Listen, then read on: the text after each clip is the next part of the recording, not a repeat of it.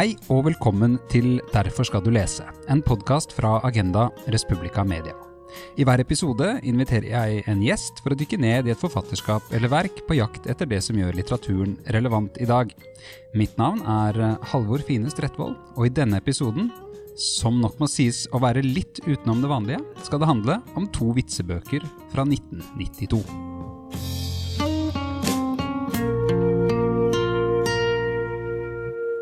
Det er en stor dag når du kommer hit eh, til Derfor skal du lese, Bjørn Hatterud. Velkommen.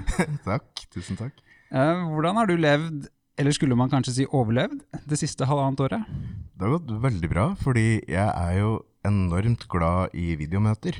Eh, altså når jeg slipper å måtte sette meg i bilen og kjøre og finne parkeringsplass og halte meg til et møte og så gjøre det omvendt rekkefølge tilbake, og så være utslitt av alle mulige ting, så syns jeg det er fantastisk befriende å kunne trykke på en rød knapp, og så er det borte.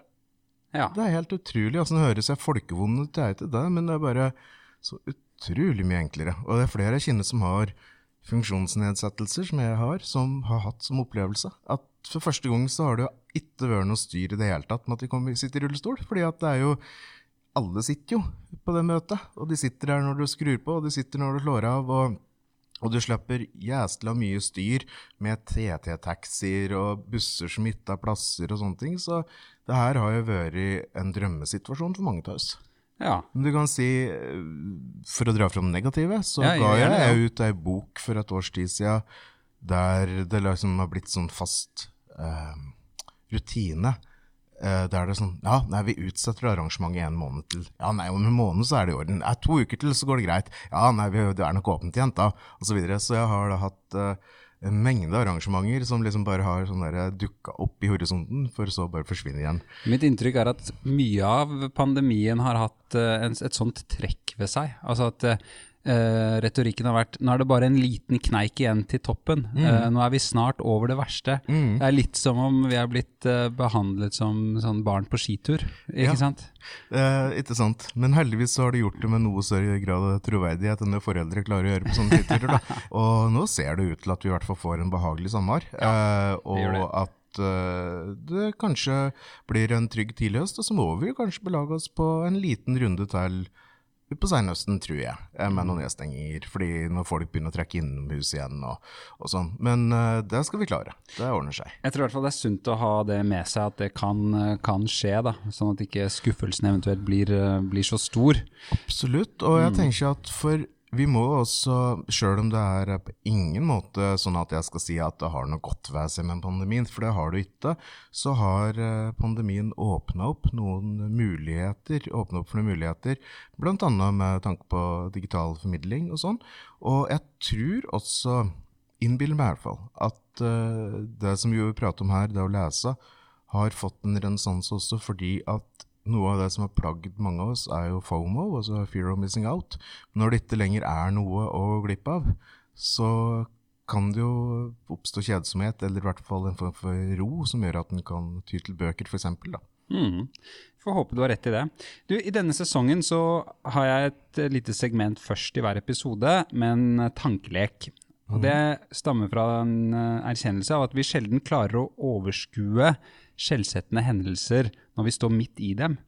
Så Derfor er det lurt kanskje å prøve å ta et lite skritt til siden. Så altså, hvis vi nå ser for oss at vi befinner oss ti år fram i tid, og derfra skuer tilbake på pandemikrisa i årene 2020 og 2021, hva tror du vi vil snakke om da? Uh, det jeg håper eh, vil bli samtalen, er at det er en felles erfaring.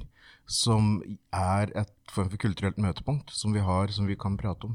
Eh, traumatisk og vondt, jo, men til forskjell fra veldig mange andre land i verden, så har vi klart oss gjennom det relativt bra. Um, jeg er klar over at det er folk som har mista sine kjære. Jeg er veldig klar over at det er mange jeg kjenner som sliter med eh, former for eh, utmattelse etter sykdom osv. Så, så det er veldig mye vondt som har skjedd.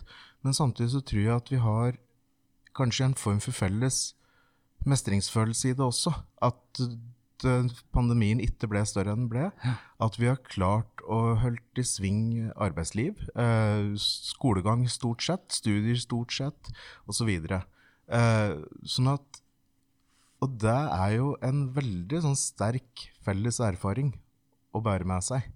Så um, nei, det her er det, er det, blir veldig interessant å se. Og det blir også interessant å se hva det har gjort med oss uh, på sikt. Særlig kanskje med tanke på det med digitale medier. Mm. Sosiale omgangsformer osv. Og også. Mm. Uh, nå er dette en, en, stor hendelse, men jeg tenker jo ofte at historien består av, av store og små hendelser som, som, på en måte endrer verden. og lufta vi puster i, så å si, den tidsånden eller den, mm. den kulturen vi, vi, er i. da.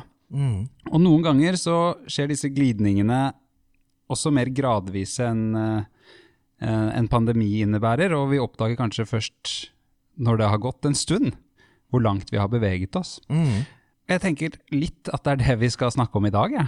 Det er det vi, som er noe av målet med samtalen, ja. Mm. Uh, som er noe av grunnen til at jeg valgte to eh, vitsebøker, og at de er fra samme året, fra 1992. Eh, altså, jeg er født i 1977, så jeg var 15 år, eller ble 15 år det året. Det vil si at jeg var ungdom, og jeg husker jo 1992 naturlig nok veldig godt. Og det her er liksom tida for TV 2 begynte i 1992, ikke sant. Ja. Eh, P3 eh, kom året etter. Sånn at det her er på en måte tida rett før Friends kan du si, da, eh, som er sånn referansepunkt for mange som er yngre enn meg. Og det er på en måte akkurat ved de tider at Seinfeld har begynt i USA. litt før det kommer til Norge, tror jeg. Rett før. X-Files, um, og det er, er, fra samme tida. Og det er også ved de tider, ja, et år eller så, før uh, Pulp Fiction uh, osv. Vi har en god del til dels importerte sånne felles referansepunkter som fremdeles oppleves som relevante for veldig mange. Og veldig mange, særlig unge folk, har jo en um, forkjærlighet for 90-tallet. Og det er veldig morsomt å se, for meg som levde da. Mm. Um, men samtidig så er jo det en forkjærlighet for et 90-tall som til dels aldri var, uh, og et 90-tall som i hvert fall ikke var her. Du kan si En ting er jo kombinasjonen av la oss si, klær, f.eks., som mange yngre bruker, sånn som uh, altså Adidas-produkter og sånne ting. Hvite uh, Det vi kalte joggesko den gangen. Ja. Um, og sånne ting. Uh, litt ekstreme hårfarger etter hvert og sånn. Så ser jeg da at her er det jo elementer fra ulike sosiale klasser, fra ulike eh, sosiale grupperinger fra ulike typer folk på 90-tallet, og hvorav veldig mye av det var av de tinga jeg den gangen forakta. Ja, nettopp. Mm. Ikke sant? Fordi at jeg på den tida, 90-tallet, hørte jo på kredibel rockemusikk fra 60- og 70-tallet, som mange av min generasjon gjorde, og var eh, til dels hysterisk tilbakeskuende. Det var så vidt jeg var på noen raves og sånne ting etter hvert, men veldig mye av den 90-tallskulturen som mange forholder seg til i dag, den var på en måte importert eller fremmed eller fjern eller urban eller osv. Det var jo et annet 90-tall. Ja, det er, eh, det er, interessant det du sier, eh, syns jeg, fordi jeg er født noen få år etter deg.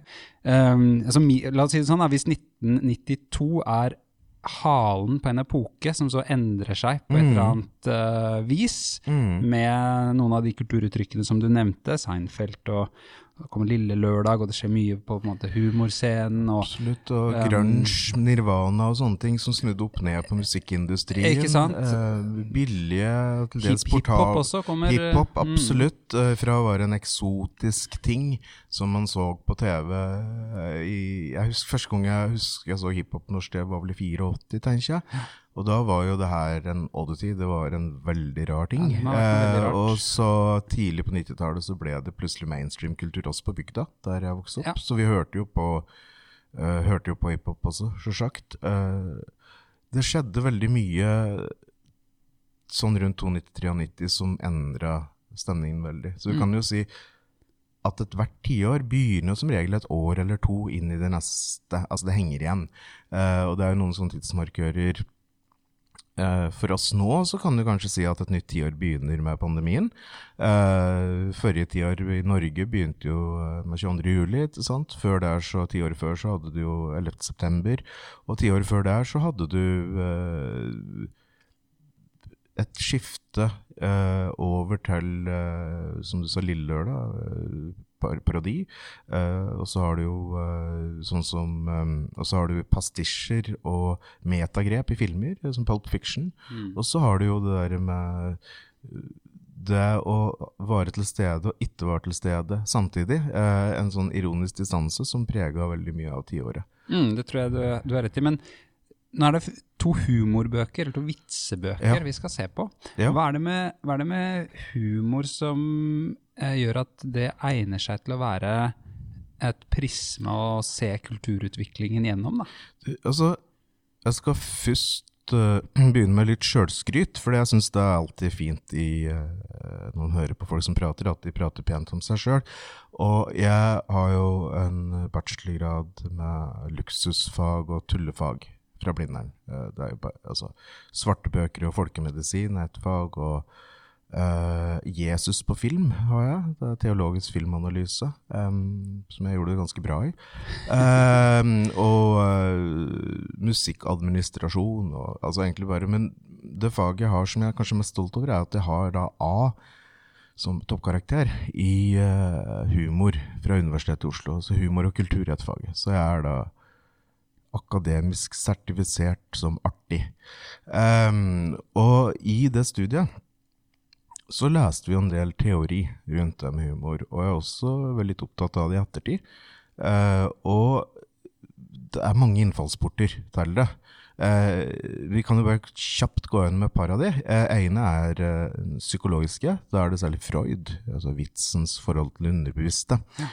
Eh, der han da mente å si at gjennom det vi lo av, så kunne vi påpeke tabuer. Uh, og det er for så vidt riktig. Uh, det, og det absurde da, som kan oppstå i møte med tabuer. Det som jo Freud gjorde feil, og som gjør at, at jeg generelt er skeptisk til alt som har med Freud å gjøre, er jo at han mente jo at det her var noe som lå i oss fra liksom de første to leveåra, og at det her hang sammen med morsbindinger, og at vi liksom var sånn universelt programmerte da, til å ha problematisk seksualitet eh, som hang sammen med vårt forhold til vår mor og, og sånne ting. Eh, det Freud jo selvsagt ikke så, var at han var jo En ting at han var barn av sin tid, men han var jo også barn av en borgerlig kultur, der det var en form for nærhet mellom mor og barn, eh, som eh, var et resultat av eh, borgerlig romantisk tankegods, ikke sant. På bygda, der du hadde liksom, hvis det var 13 søsken, så er det ikke sikkert mor hadde den eh, tette nærheten til alle til enhver tid, ikke sant. Særlig når- også visste at en tre-fire av de statistisk sett kom til å dø. Mm. Uh, sånn at, eh, så det her, så det Freud er jo sånn sett inne på noe, men samtidig på Viota. Det, det dreier seg om det å berøre tabuer, eh, men det dreier seg samtidig om at hva som er tabu er, eh, er eh, relativt. Det varierer over tid, det varierer fra land til land, kultur til kultur. Eh, og hva som også er lov å si, hva som er regna som normen som tabubruddet dukker opp i, varierer også fra kultur til kultur. Dermed så får du sånne særegne ting, som at i Finland for eksempel, har de hatt en egen voldtektsvitstradisjon, Ja. som er særfinsk, på lik linje med den finske treige tangoen, på en måte, sauna og sjølmord. Sånn at dermed så har du um, en, der det oppstår da en forståelse av normalitet og, og, og tabu. eh, litt sånt. Så det jeg tenkte når jeg tok fram de to vitsbøkene, var at i og med at 1990-tallet forandra seg, Norge forandra seg, så kanskje vi da gjennom å se på de vitsene kan se et annet Norge. Et Norge da andre ting var tabu. Et Norge-ting da andre ting var normalitet, ikke sant. Um, og jeg må jo også kanskje avsløre bakgrunnen for at jeg begynte å kikke på vitsbøker. Um, Rent bortsett fra at jeg er uh, sjukelig glad til å lese, og gjerne ginne ting som setter tankene mine i andre retninger enn der de er. Og sånn sett så kunne jeg si at jeg bare Jo, jeg leser humorbøker fordi det er interessant, men, men det som var beveggrunnen nå, var at jeg driver og kuraterer en utstilling på Nasjonalbiblioteket i anledning um, skeiv uh, kultur uh, som skal være neste år. I anledning 50-årsjubileet for opphevelsen av homoparagrafen. Og i den anledning tenkte jeg jeg skulle se litt på åssen omtaler man skeive i vitser. Uh, her prater vi da i ti Det her er liksom før partnerskapsloven, eh, lenge før fellesekteskapslov, ekteskapslov, før eh, De syv, syv søstre, med liksom det første homokysset på norsk eh, TV, mer eller mindre. Uh, før soloreklamene uh, med homse-lesbe-tematikk osv. Altså, det her er, var helt anna tid. Så jeg begynte å lese vitsbøker, og jeg leste ja, 15-20 stykker. Eh, og så da rett og slett et annet Norge. Så det var grunnen, og da tenkte liksom, når, når jeg da fikk anledning til å kunne komme og prate om bøker, så tenkte jeg at her er det noe. Vi skal uh, dykke ned i dem, altså, og fortelle noen vitser kanskje også, til og med. Men eh, før vi gjør det, så må vi jo for det første si hvilke bøker det er snakk om. Eh, jeg merker at jeg nesten kvier meg litt for å si titlene høyt, særlig den, eh, den ene, men eh, den heter altså På kanten, tidenes beste frekkiser med EF-tilpasning og fransk åpning. Og de er det altså Tande P og Tore Skoglund som, har, som ikke har skrevet, men har, har, har samlet sammen. Og den andre, som heter Norges morsomste vitser, de beste vitsene fra NM i humor, er det Arve Oppsal og Svein Byring, altså to skuespillere, som har stått bak. da. Um, og det er jo ikke noen hvem som helst, dette her, i norsk uh, kultur og offentlighet på det tidspunktet hvor de bøkene kommer ut. Nei, altså vi som husker han DP, husker hvor stor han var, men jeg tror for ungdommer nå, eller yngre folk, så kan det virke, tror det må virke ganske absurd at noen kunne være så kjendis. Ja. Fordi at vi har ikke den type kjendiser lenger. Du kan si, vi har noen kjendiser som dukker opp igjen på nytt og på nytt i sånn 10-12 i gåseøyne reality-programmer der de kokker eller er på en gård og kjemper eller prøver å bevege seg nordover i landet eller uh, hva det måtte være.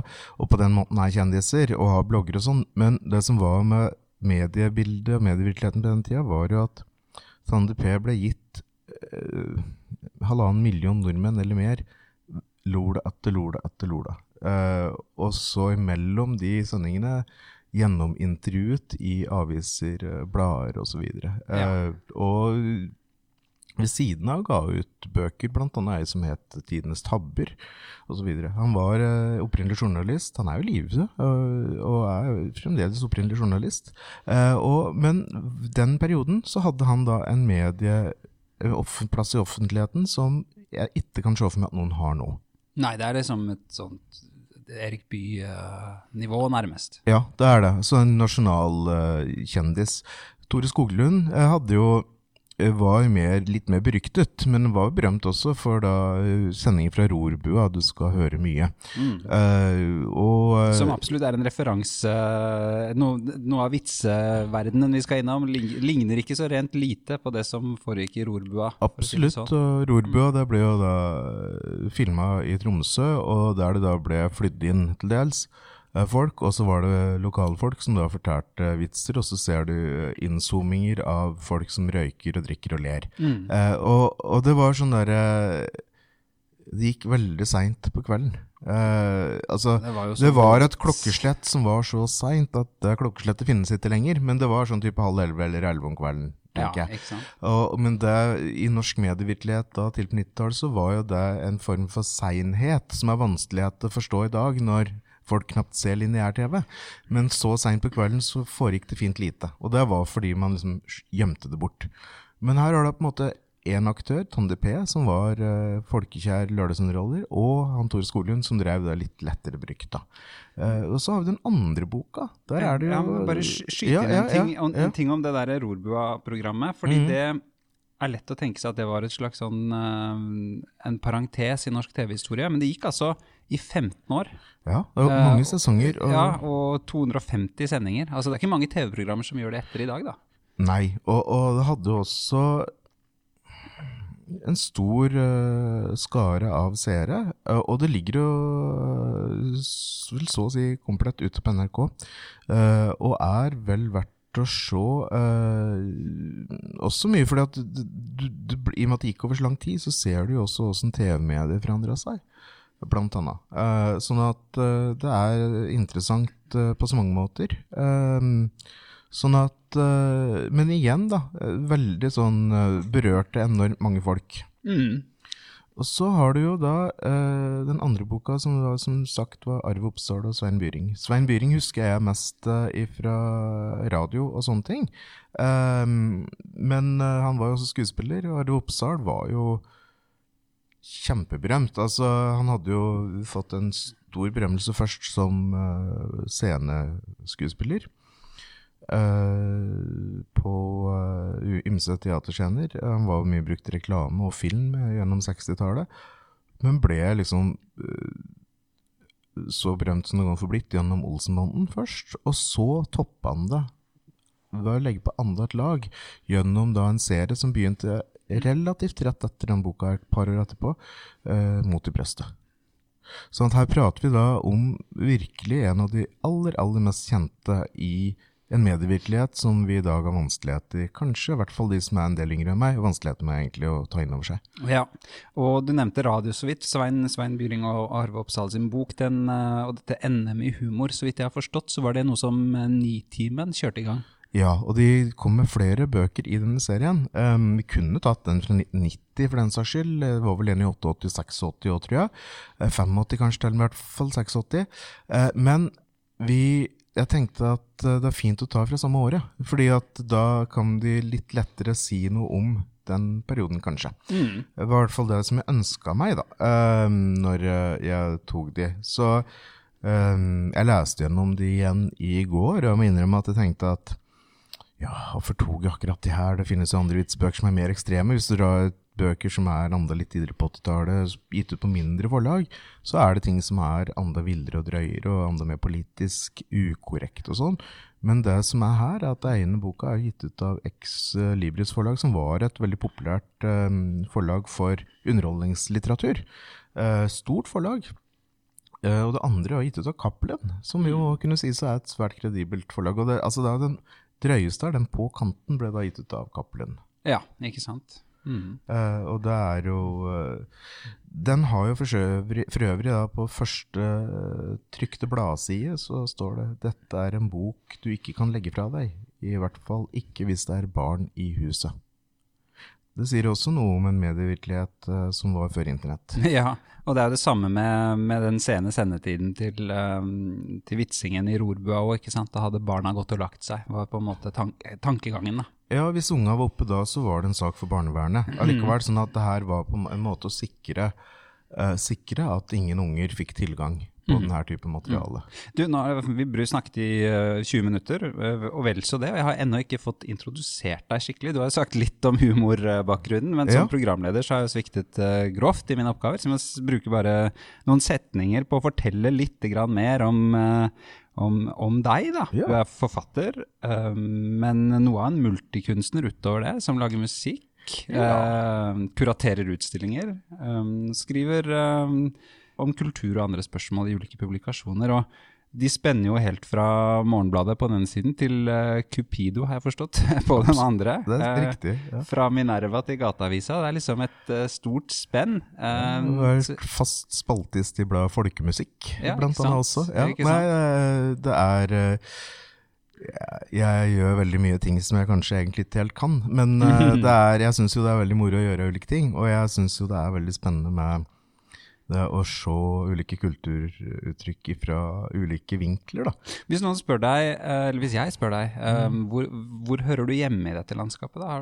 Hva svarer du da? Har du på en måte et, en hjemstavn? Uh, det er et godt spørsmål. Uh, fordi at uh, jeg opplever at jeg har liksom ett bein eh, Jeg har jo ikke så mange bein, så det er en jævlig dårlig metafor, men, men, men bare aksepter den allikevel. Jeg har liksom ett bein i mange leirer, da, på en måte. Eh, eh, sånn at eh, Og jeg liker jo å, drive med veldig mye ulike ting. sånn at, og jeg kjeder meg fort. Sånn at så jeg men bakgrunnen min er jo sånn rent faktuelt biografisk sett, da. Så er jeg jo fra en arbeiderklassefamilie i Ringsaker. Jeg er bygd i Ringsaker. Eh, og jeg er født med en del uh, funksjonsnedsettelser, og jeg er homo. Og alt det her har jo vært med på å påvirke min inngangsport til veldig mye uh, i livet, fordi at det gjør at jeg er liksom minoritet i også i minoritetene, og en litt sånn, ja annerledes, som det heter på altså annerledes, i ganske mange kulturelle rom. Men samtidig så Jeg vet da søren, jeg. Føler at jeg passer inn mange steder, og jeg trives med å gjøre ulike ting. og men jeg har jobba mye i billedkunstfeltet. Mm. eh, og forts- jeg er jo spaltist i bladet Billedkunst fremdeles, og kuraterer og holder uh, kunstnersamtaler og, og sånne ting. Eh, men jeg har jo hele tida også drevet med eh, eksperimentell lyd, eksperimentell musikk i sånne type undergrunnssettinger, og jeg er veldig glad i det.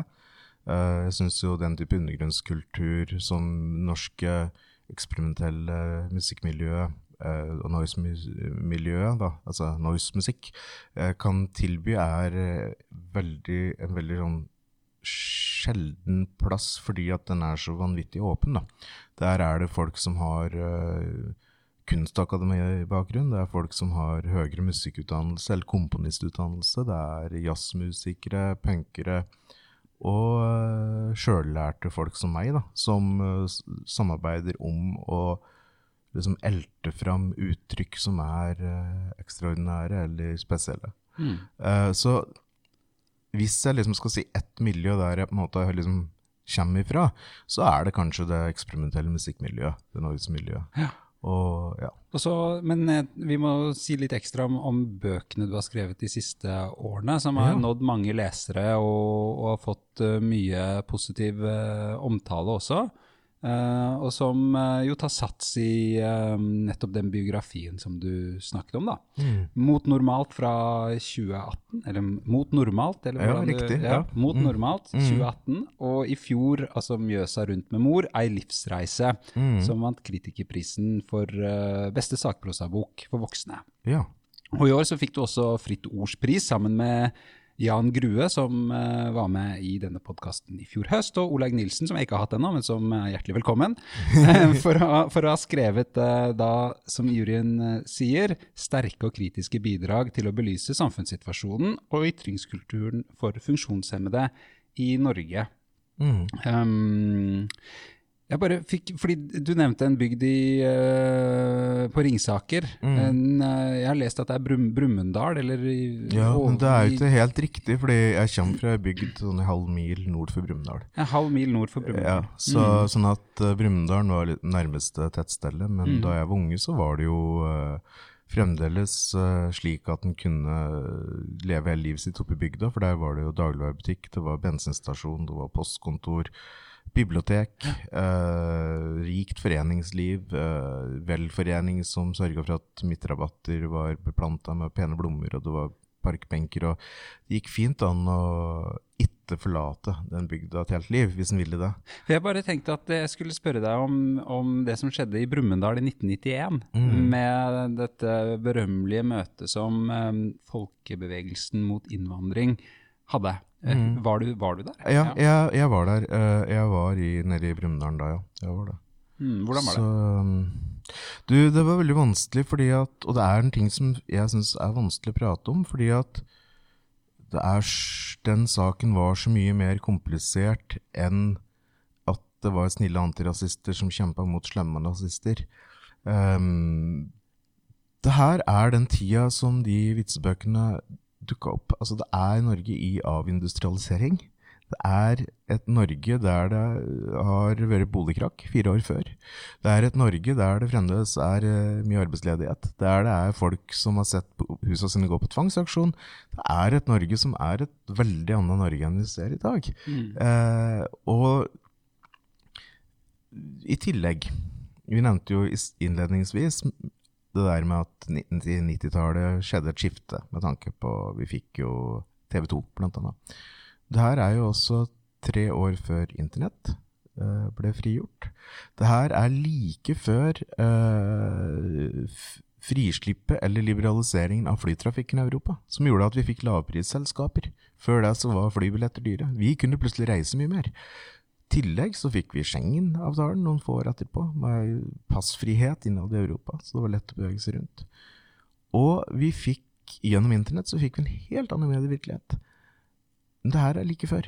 Mm. Det her er det Norge som var da Norge var i ferd med å bli avindustrialisert, før enn vi kom inn i det Norge som ble etter internett. Og hva ler dette Norge av? er jo da det vi skal komme inn på. Ja, og, og, og igjen, som vi sa i stad, så er jo det her kjente folk som har sine navn på det her, og det er kjente, kredible forlag som har gitt ut. Så det her er på en måte et, Det som må kunne sies er liksom akseptert å leve, sjøl om det er litt frekt. Og man normalt kanskje gjorde det her på fredagskvelder, så var det liksom lov. Ja. Har du et, et par uh, eksempler, eller? Som du har tenkt på forhånd? Uh, ja, får vi se.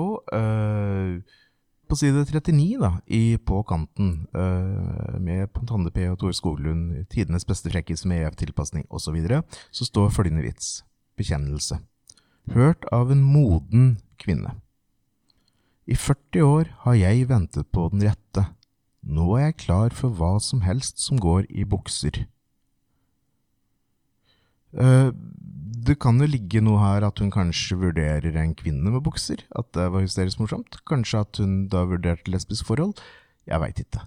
Den Nei, er litt vanskelig å forstå. Enig. Og jeg tror eh, det er flere sånne eksempler på, på vitser av den typen hvor du må nesten lene deg inn i en veldig sånn uh, todelt, eh, ganske konservativ kjønnsdiskurs for å skjønne vitsen.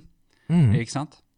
Og der det også ligger sånn un en understrøm av seksualitet som delvis er veldig skambelagt, og delvis er vanvittig lystfull, som alle har lyst på, men som er kjempetabu. Men det er veldig mye, vi må bare si det med en gang, det er veldig mye som går ned eh, til eh, regionen sør for Navern, for å si det sånn. Det er jo det. Og, I disse bøkene, Ja, da. det er det. Og mye her som er uh, relativt uh, drøyt eh, også. Men det her, sånn er det jo med humor, som vi pratet på i stad, at humor skal jo berøre tabuer. Tenker, Og ja. det, sånn er det fremdeles med grov humor. Det vil berøre tabuer. Som en del av det som er i de bøkene, vil jo fint kunne sies i dag, og folk vil le. Men noe av det her er på en måte bare blitt absurd. Jeg skal lese en som vi kan uh, ta tak i. Den er litt lenger, og uh, får unnskylde språkbruken på forhånd. Uh, den heter 'Unnskyld, frøken' er fra den samme boka, altså boka til Tande P og Tore Skoglund. Frekkisboka, som jeg har kommet til å kalle den. Eh, 'Unnskyld, frøken' heter den altså. Og den begynner litt på samme måte, ikke sant. Det er, det er alltid en sånn en gammel cad, eller uh, dette til en sjømann, eller i dette tilfellet er det da en handelsreisende, en av disse med stor selvtillit og stort pågangsmot, danset rundt med ei snerten snelle på stedets hotell. Midt i en flat tango mumlet han i øret hennes. Unnskyld, frøken, men knuller du? Jenta forsøkte å late som om hun ikke hørte, men den handelsreisende gjentok spørsmålet denne gangen litt høyere. Jeg sa knuller du, frøken? Jenta rødmet kraftig, men var stadig taus. Da den handelsreisende for tredje gang spurte henne om hun knullet, kom hun såpass til hektene at hun repliserte. Stiller du dette spørsmålet til alle jentene du danser med? Å ja, bekreftet dansekavaleren, jeg gjør nok det. Da må du etter hvert få mange skuffelser, sa jenta. Ja, jeg gjør nok det, medgikk den handelsreisende. Men det blir også mye knulling. Jeg syns det er det er Men det er jo på en måte en sånn pågåenhet, da, som etter, hvis, eh, etter metoo-diskusjonen og sånne ting, kanskje ikke passerer helt i, i vår tid. Det er sant, men samtidig så ligger det jo en eller annen ærlighet her også, da. Eh, Jeg, har jo, jeg tenker jo på en måte så burde jo kanskje folk flest eh, tillatt seg å, å vært direkte, da, eh, på en måte på byen. Det er jo en av de tingene vi ikke må miste med metoo også, altså da tørre Ja å være direkte. Jeg syns det andre er som er mye mer problematiske sett fra metoo-blikk. Få høre. Um, ja, får vi se. Um, altså Et eksempel på en vits som jeg vil si har stått seg dårlig med tanke på metoo, og som da på en måte i motsetning til den forrige ikke dreier seg om å være for direkte eh, og plagsom, eh, dreier seg om å kanskje være slu for å tvinges til sex, er da denne her. Den heter 'Frem og tilbake er like langt'. De har jo titler, alle de vitsene. Ja. Det er litt viktig å få med. En ung dame ønsket så veldig å komme en tur til Australia. En kveld traff hun en sjømann på en restaurant, og han var straks villig til å hjelpe henne da han hørte om hennes store ønske. Båten hans skulle nemlig gå til Australia dagen etter, og han kunne ta henne med, som blindpassasjer. Betingelsen var at han oppholdt seg i lugaren hans hele tiden, og gjorde visse gjenytelser. Og da tror jeg ikke det er snakk om husvask eller støvsuging. Nei, jeg tror nok det er mer eh, andre former for gjenytelser. Dette gikk piken med på, og om natten ble hun smuglet om bord i båten. Ukene gikk, og etter hvert ble jenta lei av livet i lugaren. En dag gikk hun ut på dekket og spurte en offiser om de ikke snart var framme i Australia. Australia? sa offiseren forundret. Dette er Bastøyferja.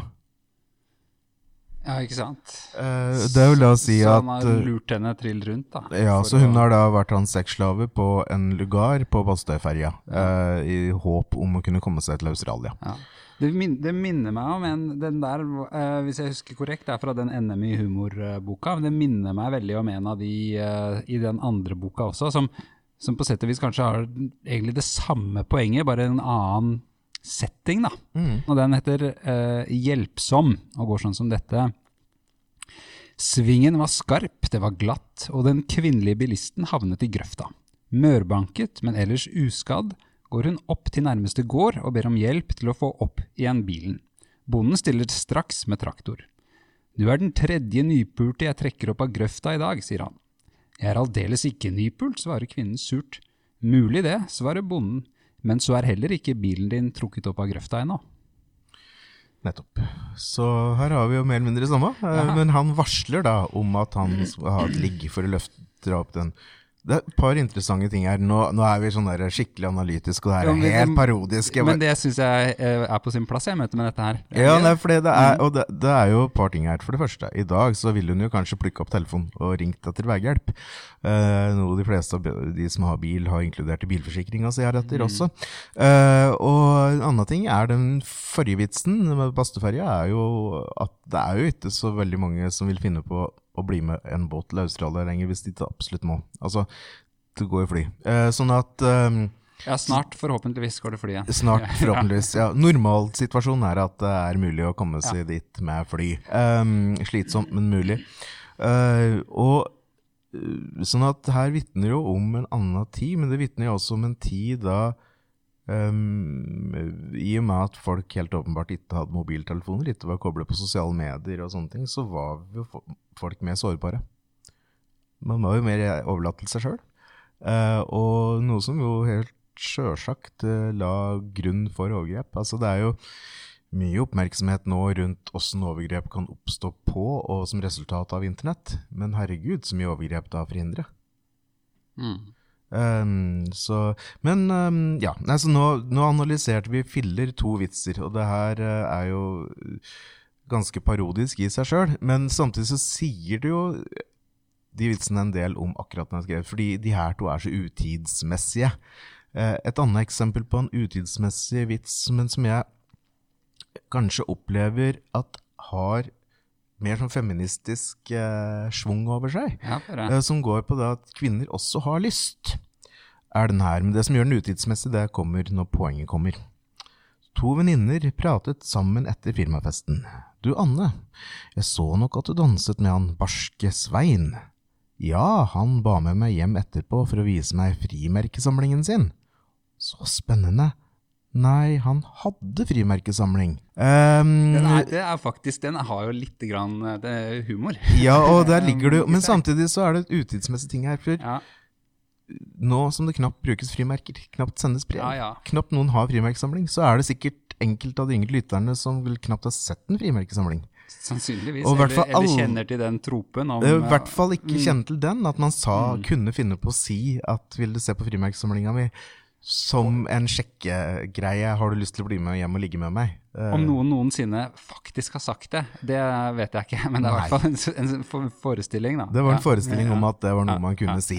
Um, men det her er også sånn der, Det vitner også da selvsagt om en tid da folk kunne finne på, i stedet for å sitte på Netflix, eh, så kunne de finne på å skru av TV-en og så bla i en frimerkesamling. Mm.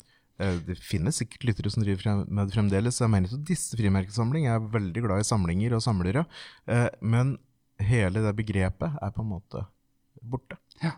Bare sånn, jeg tenkte vi skulle bruke, uh, si noen sånne generelle trekk da, som jeg har merket meg, før vi uh, Jeg også har lyst til at vi skal uh, snakke litt om et par vitser som handler om Afrika. Mm. Men før, før, vi gjør det, så tenkte jeg bare å si at det er jo noen sånne kjønnsstereotypiske forestillinger som ligger under og er et uttalt premiss i mange av vitsene. Mm. For eksempel så er det et uttalt premiss i mange av vitsene at kvinner ofte ikke har lyst på sex med mannen sin, eller noen andre, for den saks skyld. Mm.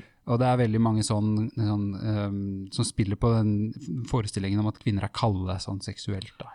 Mm. Så er det motsatt. Så er det sånn at det er veldig mange vitser som spiller på manglende potens hos mannen, og frykten for manglende potens hos mannen. Da.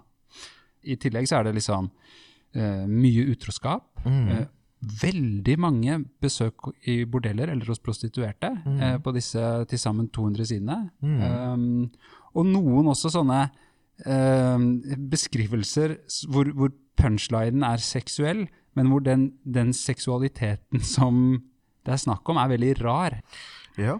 Uh, når det gjelder det med kvinnens manglende lyst, så er det også en del fortellinger her, eller vitser, som tar for seg kvinners lyst uh, Du sier det med impotens, ja, men, men også kvinners lyst uh, der de, som i den forrige vitsen, ble skuffa. Altså der ja, det, det, er et, at kvinner i seg sjøl har lyst, virker også som et kjempetabu. Uh, at kvinner kan like pikk, det er et tabu. Mm. Um, ser det til, da. Uh, og det som er interessant her, er jo at uh, det med impotens, eller erektil dysfunksjon, som det jo egentlig heter, er jo at Viagra kom jo først i 697. Så det her var en periode da det ikke fantes effektiv behandling for erektil dysfunksjon. Uh, det gikk an å operere kirurgisk inn uh, elementer som kunne blåses opp eller på noe vis gjøre penis stiv, men på den måten kunne du også risikere å miste følsomhet. Det fantes sprøyte som en kunne bruke, som gjorde at penis ble stiv, men da gjerne timevis. Uh, og, og så og det kunne være smertefullt. Sånn at det her er en periode da erektil dysfunksjon fremdeles var et kjempehelseproblem, og samtidig kjempetabu, fordi det var knytta opp mot begrepet impotens, altså at du ikke lenger var potent, ikke lenger sterk, ikke lenger mann. Ikke sant? Uh, sånn at, så det, det ligger jo men, men, det her er ting som går igjen, helt enig i det. Uh, og, og, helt sånn derre ja, veldig enig i det. Et annet som går igjen også, når vi snakker om sånne relasjoner og sånn, det er jo at de, det, det er ikke uh, alltid sånn at uh, de ekteskapene som skildres i disse vitsene, er så lykkelige på andre måter heller. Det er mange uh, slabbedaskete menn og, og hespetrær av noen kvinner mm. um, som går igjen, da. Jeg lurer på om det også kan henge sammen med uh, altså Fram til 1972 så hadde vi det som het konkubinatloven i Norge. altså Det var forbudt å være samboer i Norge fram til 1972. Den forsvant samtidig med uh, homosexloven, altså loven mot sex mellom menn. Uh, så fram til 1972 så var det i hvert fall på papir forbudt å være samboer. Og Det gjorde også at eh, hvis man var samboer, så var det umulig å skaffe seg bolig. Vi hadde jo fram til eh, frislippet av boliger i 83, så var det i stor grad avhengig av om noen ville leie ut til deg, eller var villig til å selge til deg. Um, sånn at jeg tror det her er noe som henger igjen fra liksom sånn 15 år før, uh, da det var slik at skulle du bo med en person av motsatt kjønn, så måtte du være gift. Hvis du skilte deg, så var jo det også relativt ny ting som var liksom med tanke på sånn offentlig aksept. Jeg husker På 80-tallet så hadde man fremdeles begrepet, og 90-tallet skilsmissebarn. Det var et begrep. Altså, Nå er det, har vi hyggelige begreper som bonusbarn og sånn. På den tida var det med å, det er et skilsmissebarn. Det var et kjempeproblem. ikke sant? Ikke noe rart om den personen ble morder eller hva det var, for det var et skilsmissebarn. Sånn at fremdeles så var det Skilsmisser var fremdeles sett på som en anomali, ikke sant? Og mm. samboerskap også. Eh, og dermed så ble det ekteskapet så fordømt viktig. Og da var det bare å bite da. Og da endte det med at folk ble i ekteskap med en person som de opplevde som hespetre, eller uh, en ektemann som ikke var dugende. Fordi at det var jo ingen alternativ. Skulle de bo en stand, så måtte de det, f.eks. Litt sånt. Ja, ikke sant. Og det, det er jo det, når jeg leser denne altså, så mange sånne vitser på rad, så tenker jeg at det må jo være en ganske utbredt erfaring eller noe som mange kan uh, kjenne seg igjen i, eller kjenne seg delvis igjen i, eller kjenne noen som kan kjenne seg igjen i, sånn at de kan le med av disse, disse poengene, da. Mm. Uh, Men det, det er også interessant det du sier der om at det kanskje er en rest av noe som er enda mer fortidig enn en 1992. Fordi uh, det, det slår meg jo at det også i disse bøkene er rester av ting som må være enda eldre, da. Mm. Det er jo sjømenn og sjøger i fremmede havner og budeier på setrene og nattfriere på gårdsbruk og manuelle telefonsentraler og hester foran plogene og biler som må sveives i gang osv. I, de- i disse vitsene. Jo, men det morsomme her er at eh, de siste norske manuelle telefonsentralene ble lagt ned i 1976. Det var bare 16 år før det. Ja. Ehm, og eh, det fantes fremdeles eh, både Skodaer og folkevogner og andre biler som kunne sveives i gang eh, i 1992 på veiene.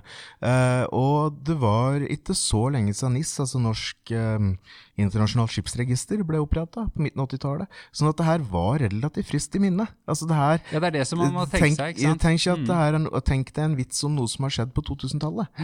Tenk deg en vits i dag eksempel, om en person som skal lære seg å bruke internett. Den vitsen ville fremdeles virke litt seint ute, men det kunne funka. Om 20 år så ville jo den virke helt absurd. Lære seg internett, hva er det liksom?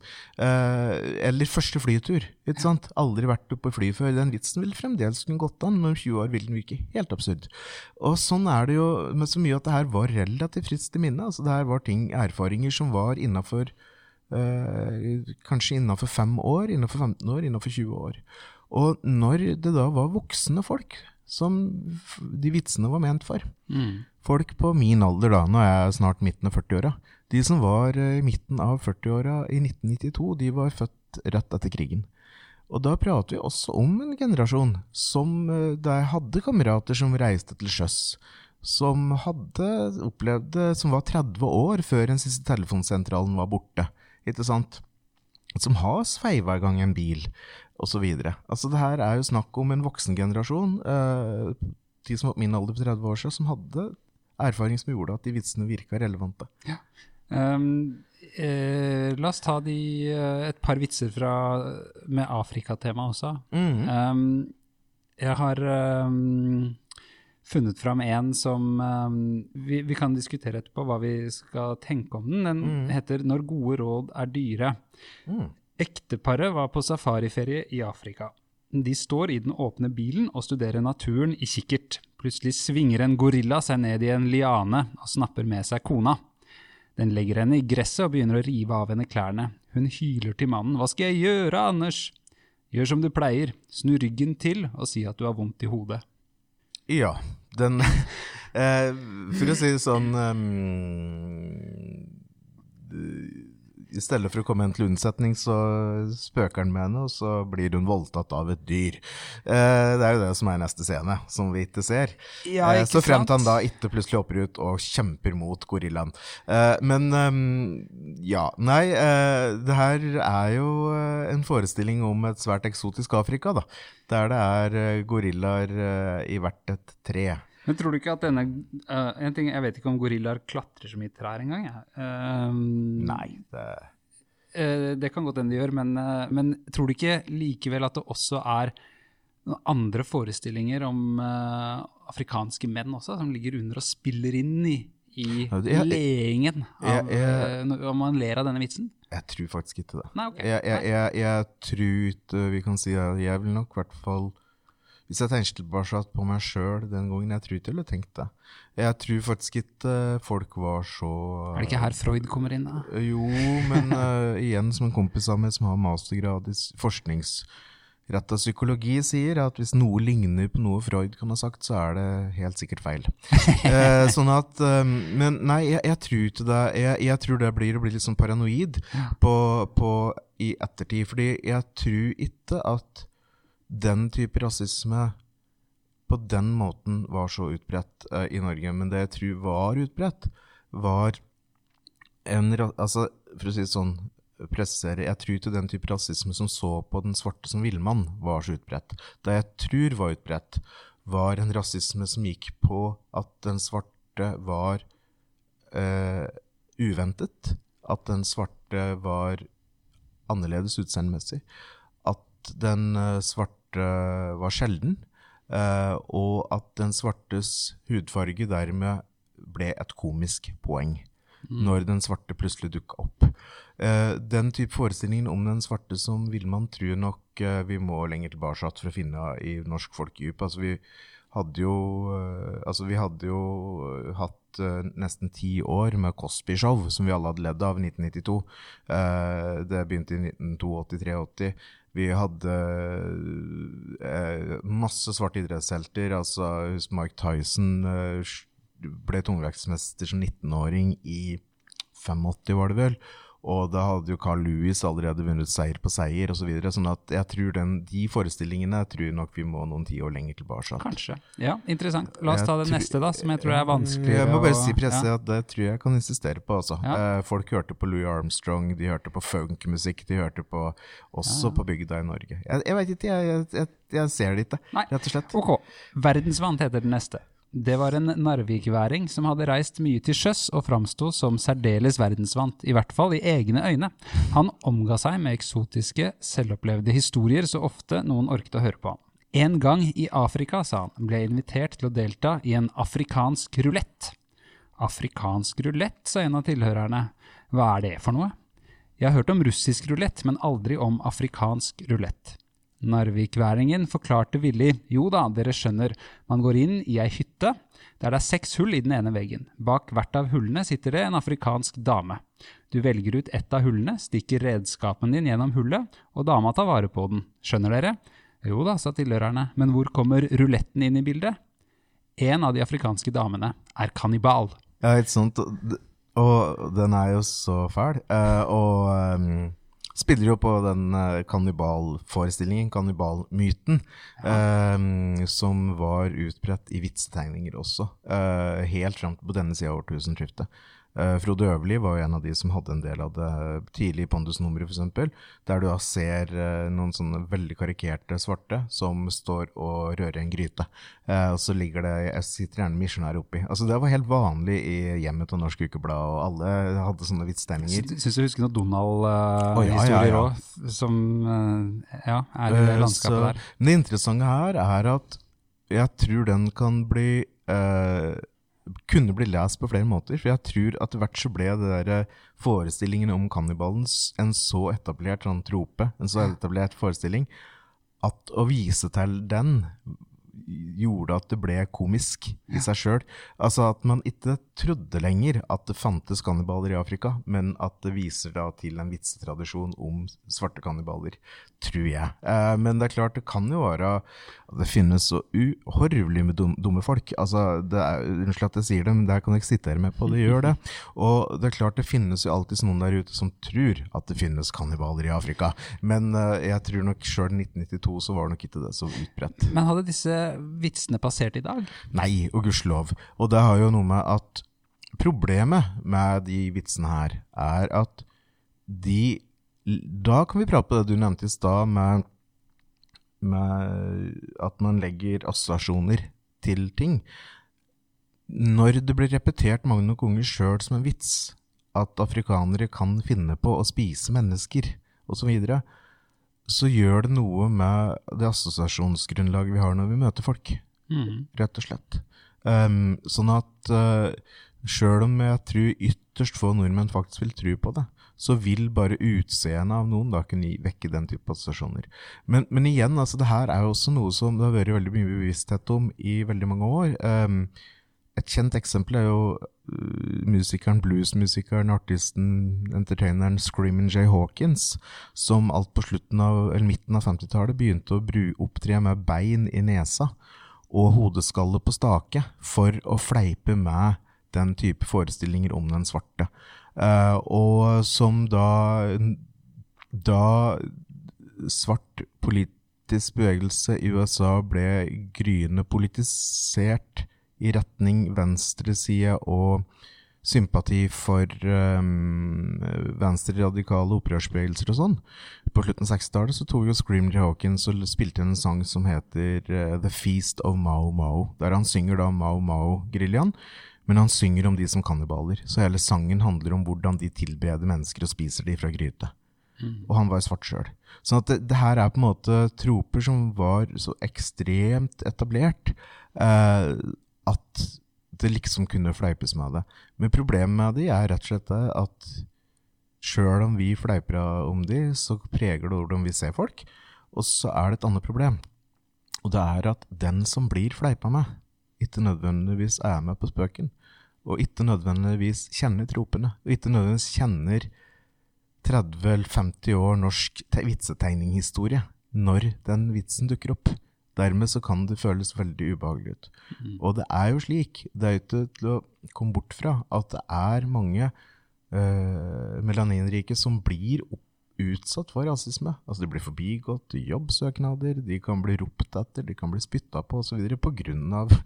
hudfarge. Det er så dumt. så det er, jeg, et, altså det, er, det med rasisme det er så idiotisk, så det er vanskelig å forstå, men det skjer. ikke sant? Og, og hvis du da har den type opplevelser, og så blir jeg eksponert for forestillinger à la den afrikanske kannibalen, så kan jo det oppleves veldig sårende, og det kan oppleves som en som eh, som at det spiller på lag da, med de eh, idiotene som spytter og dytter, kaster søk, jobbsøknader. Og, Og, dette har vi blitt mye mer oppmerksomme på de siste åra. Mm. Jeg, jeg tenker på han Tore Sagen, altså en nåtidig eh, humorist da, som, som brant seg på, på noe av dette da han holdt en slags uh, monolog som var ment å ironisere over rasismen, men ble, Ja. men ble lest som problematisk på Ja. de måtene du og det er jo, jo og, men du kan si, og der syns jeg vel kanskje at reaksjonene mot han var ehm,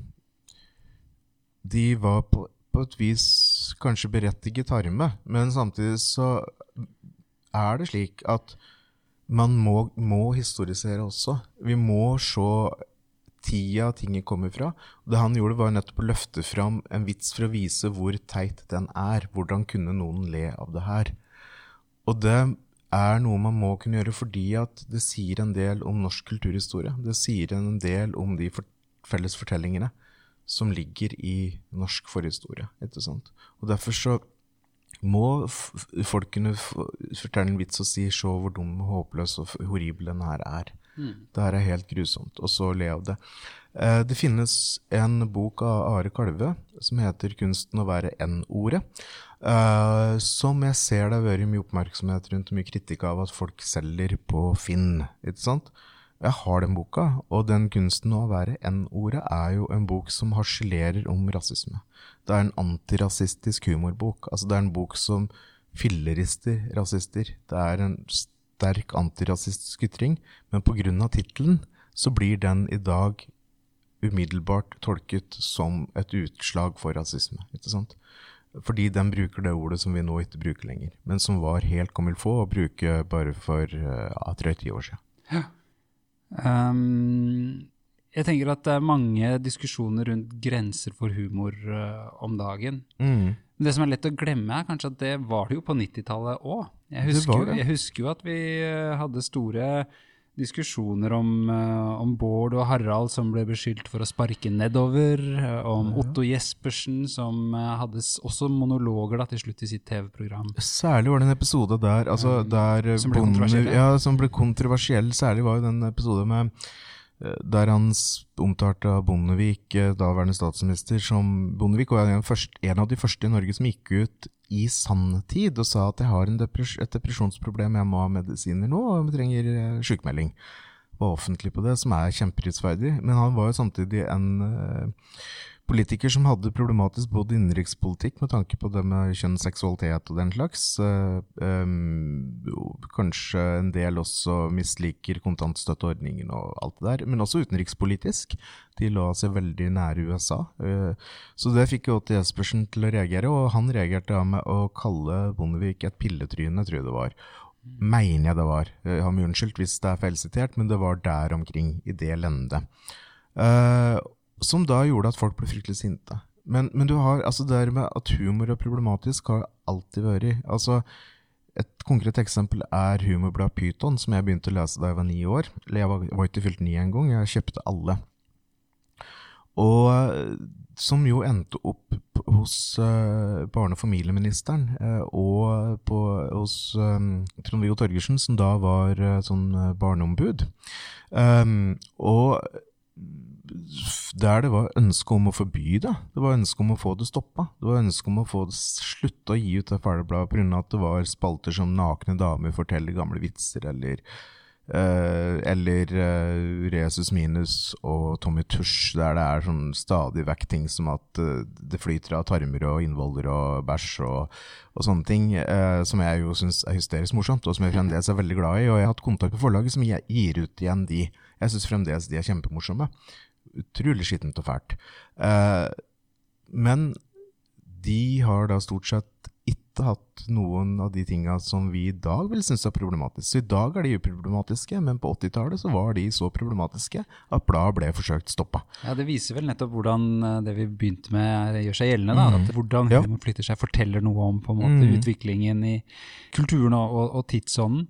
Et siste poeng som jeg tenkte, vi, vi har snakket lenge nå, men jeg, mm. har lyst til å spørre deg om, om noe. og det er at vi har vi har snakket om disse vitsebøkene fra 1992 som et slags postkort fra en annen tid. Men i hvor stor grad er det også et postkort fra en annen klasse? Det er et veldig viktig poeng, tror jeg. fordi veldig mange av de som, som fordømmer folkelig humor, eh, deler ikke den humoren fordi at de ikke er del av de sosiale nettverkene der humoren deles.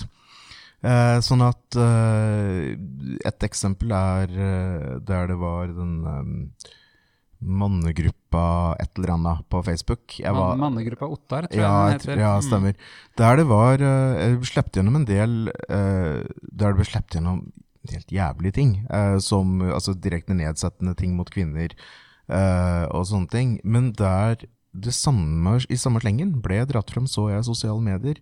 Sånn som død baby-vitser, som var, burde være grunn nok til at den sida burde stenge. Og da tenker jeg liksom ok, det er et kjempetraume å miste en baby, og det er helt grusomt å tenke på døde babyer på den måten, men samtidig så er det jo nettopp derfor døde babyvitser er så uh, populære, fordi de er så forbudt. Og det å på en måte heve seg over humor og være moralistisk er det skal en jo være litt forsiktig med, altså. fordi at ofte så er det at man ikke er del av den sosiale konteksten der det er oppfattet som morsomt, som gjør at en ikke nødvendigvis klarer alltid forstå hvorfor det er morsomt. da. Men jeg må jo bare si sjølsagt, jeg tar veldig sterk avstand fra uh, den type rasistiske vitser som du sa, leste i stad, og fra kvinnefiendtlige vitser og sånne ting, selvfølgelig. Men det er Det har noe med å tenke at humor oppstår og deles i en kontekst. Eh, problemet nå er at vi har ingen avgrensede kontekster igjen digitalt. Um, og dermed så er det slik at hvis noen deler noe med tanke på at det skal ses på et bestemt vis, at det ligger en intensjon, så vil det umiddelbart deles av folk som ikke kan se den intensjonen, og dermed så kan ting oppleves som djupt krenkende. Mm. Da tenker jeg på memes, for eksempel, eh, osv. Ja, jeg skulle til å spørre om det, fordi det er jo en del av uh, Chan-kulturen, f.eks. Ja, absolutt. Er jo um, pyton-drøy i andre og tredje potens, ikke sant? Ja. Og, og kobla også til et sinne nedenfra noen ganger, mm. og eh, ganske problematiske politiske holdninger noen ganger. Ja, og jeg opplever det også som at det er brukt som en form for sukker på pillen eller glidemiddel for å få folk inn i ekstreme miljøer, ja. uh, rett og slett. Uh, og som et fikenblad som man alltid kan uh, forsøke å skjule seg bak da, og si ja, men det var jo bare, det var jo bare humor. Var jo bare humor det var bare moro, ja. Mm. Nei, og det er også kjempeproblematisk, og jeg minner om at som homo og født med funksjonsnedsettelser, så er jo jeg absolutt i målgruppene for hets og hat fra sånne grupper. Uh, så, og jeg ser jo på Syns jo det er veldig bekymringsverdig, selvsagt. Men igjen så tror jeg at hvis jeg skal være litt marxist nå mot slutten uh, så, så, Og da klassisk marxist, så tror jeg at vi må fokusere på settinger der hat oppstår. Uh, sånn som rustbelte i USA osv. Og, så og vi må prøve å få gjort noe med arbeidsforhold, lønnsforhold, folks følelse av verdighet, folks følelse av å skulle bli hørt og bli sett osv. at det er så grunnleggende og så viktig. Og at det er der en må ta tak først, fordi veldig mye av hat og hatefulle ytringer blomstrer jo i miljøer der folk føler seg eh, tråkka på, Mm. eh, rett og slett. Og at d- vi på en måte må ta tak i strukturene, det underliggende. Uh, Sjølsagt skal vi slå hardt ned på rasisme og sånne ting, men at det primære er at folk har sånne ting som arbeid, bolig, trygghet, verdighet osv. Med de bevingede ordene så går vi inn for eh, landing, men før vi gjør det, så må vi jo kvittere ut uh, episodetittelen, som er eh, 'Derfor skal du lese to vitsebøker fra 1992'. Så jeg må spørre deg, Bjørn Hatterud, hvorfor skal vi lese to vitsebøker fra 1992? Det er fordi at da får vi sett inn ei anna tid som er så nære at veldig mange av husker den, og som ga oss kulturprodukter som veldig mange unge fremdeles bryr seg om. Men det var en tid som var så annerledes den tida vi lever i nå. Og på den måten så får vi også opp et speil for tida vi lever i nå. Fordi om eh, 30 år så vil den tida her virke enormt eksotisk. Tida med pandemi, eksempel. Tida med podkaster osv. mm. Jeg syns dette eksperimentet gikk eh, ganske bra. jeg. Det er mulig å få interessante refleksjoner og innsikter, også fra såpass uventet hold som, eh, som nettopp noen vitsebøker fra, fra 1992. Um, tusen takk for at du tok turen hit til eh, Derfor skal du lese, Bjørn Hatterud. Tusen hjertelig takk for at jeg fikk komme. Takk også til dere som har hørt på. Gi gjerne en tilbakemelding i Apples podkast-app, på Spotify eller hvor du nå enn lytter til podkast. Nå finnes det også en Facebook-side for podden, og der går det an å gi ris eller ros og komme med forslag til gjester eller bøker. Jeg heter Halvor Fine Stretvold og er tilbake med en ny episode om et par uker. Inntil vi høres igjen ønsker jeg dere alle en god latter eller tre, men mellom latterkulene kan det altså også være greit å tenke litt på hva humoren sier om tida, kulturen og hvem vi er.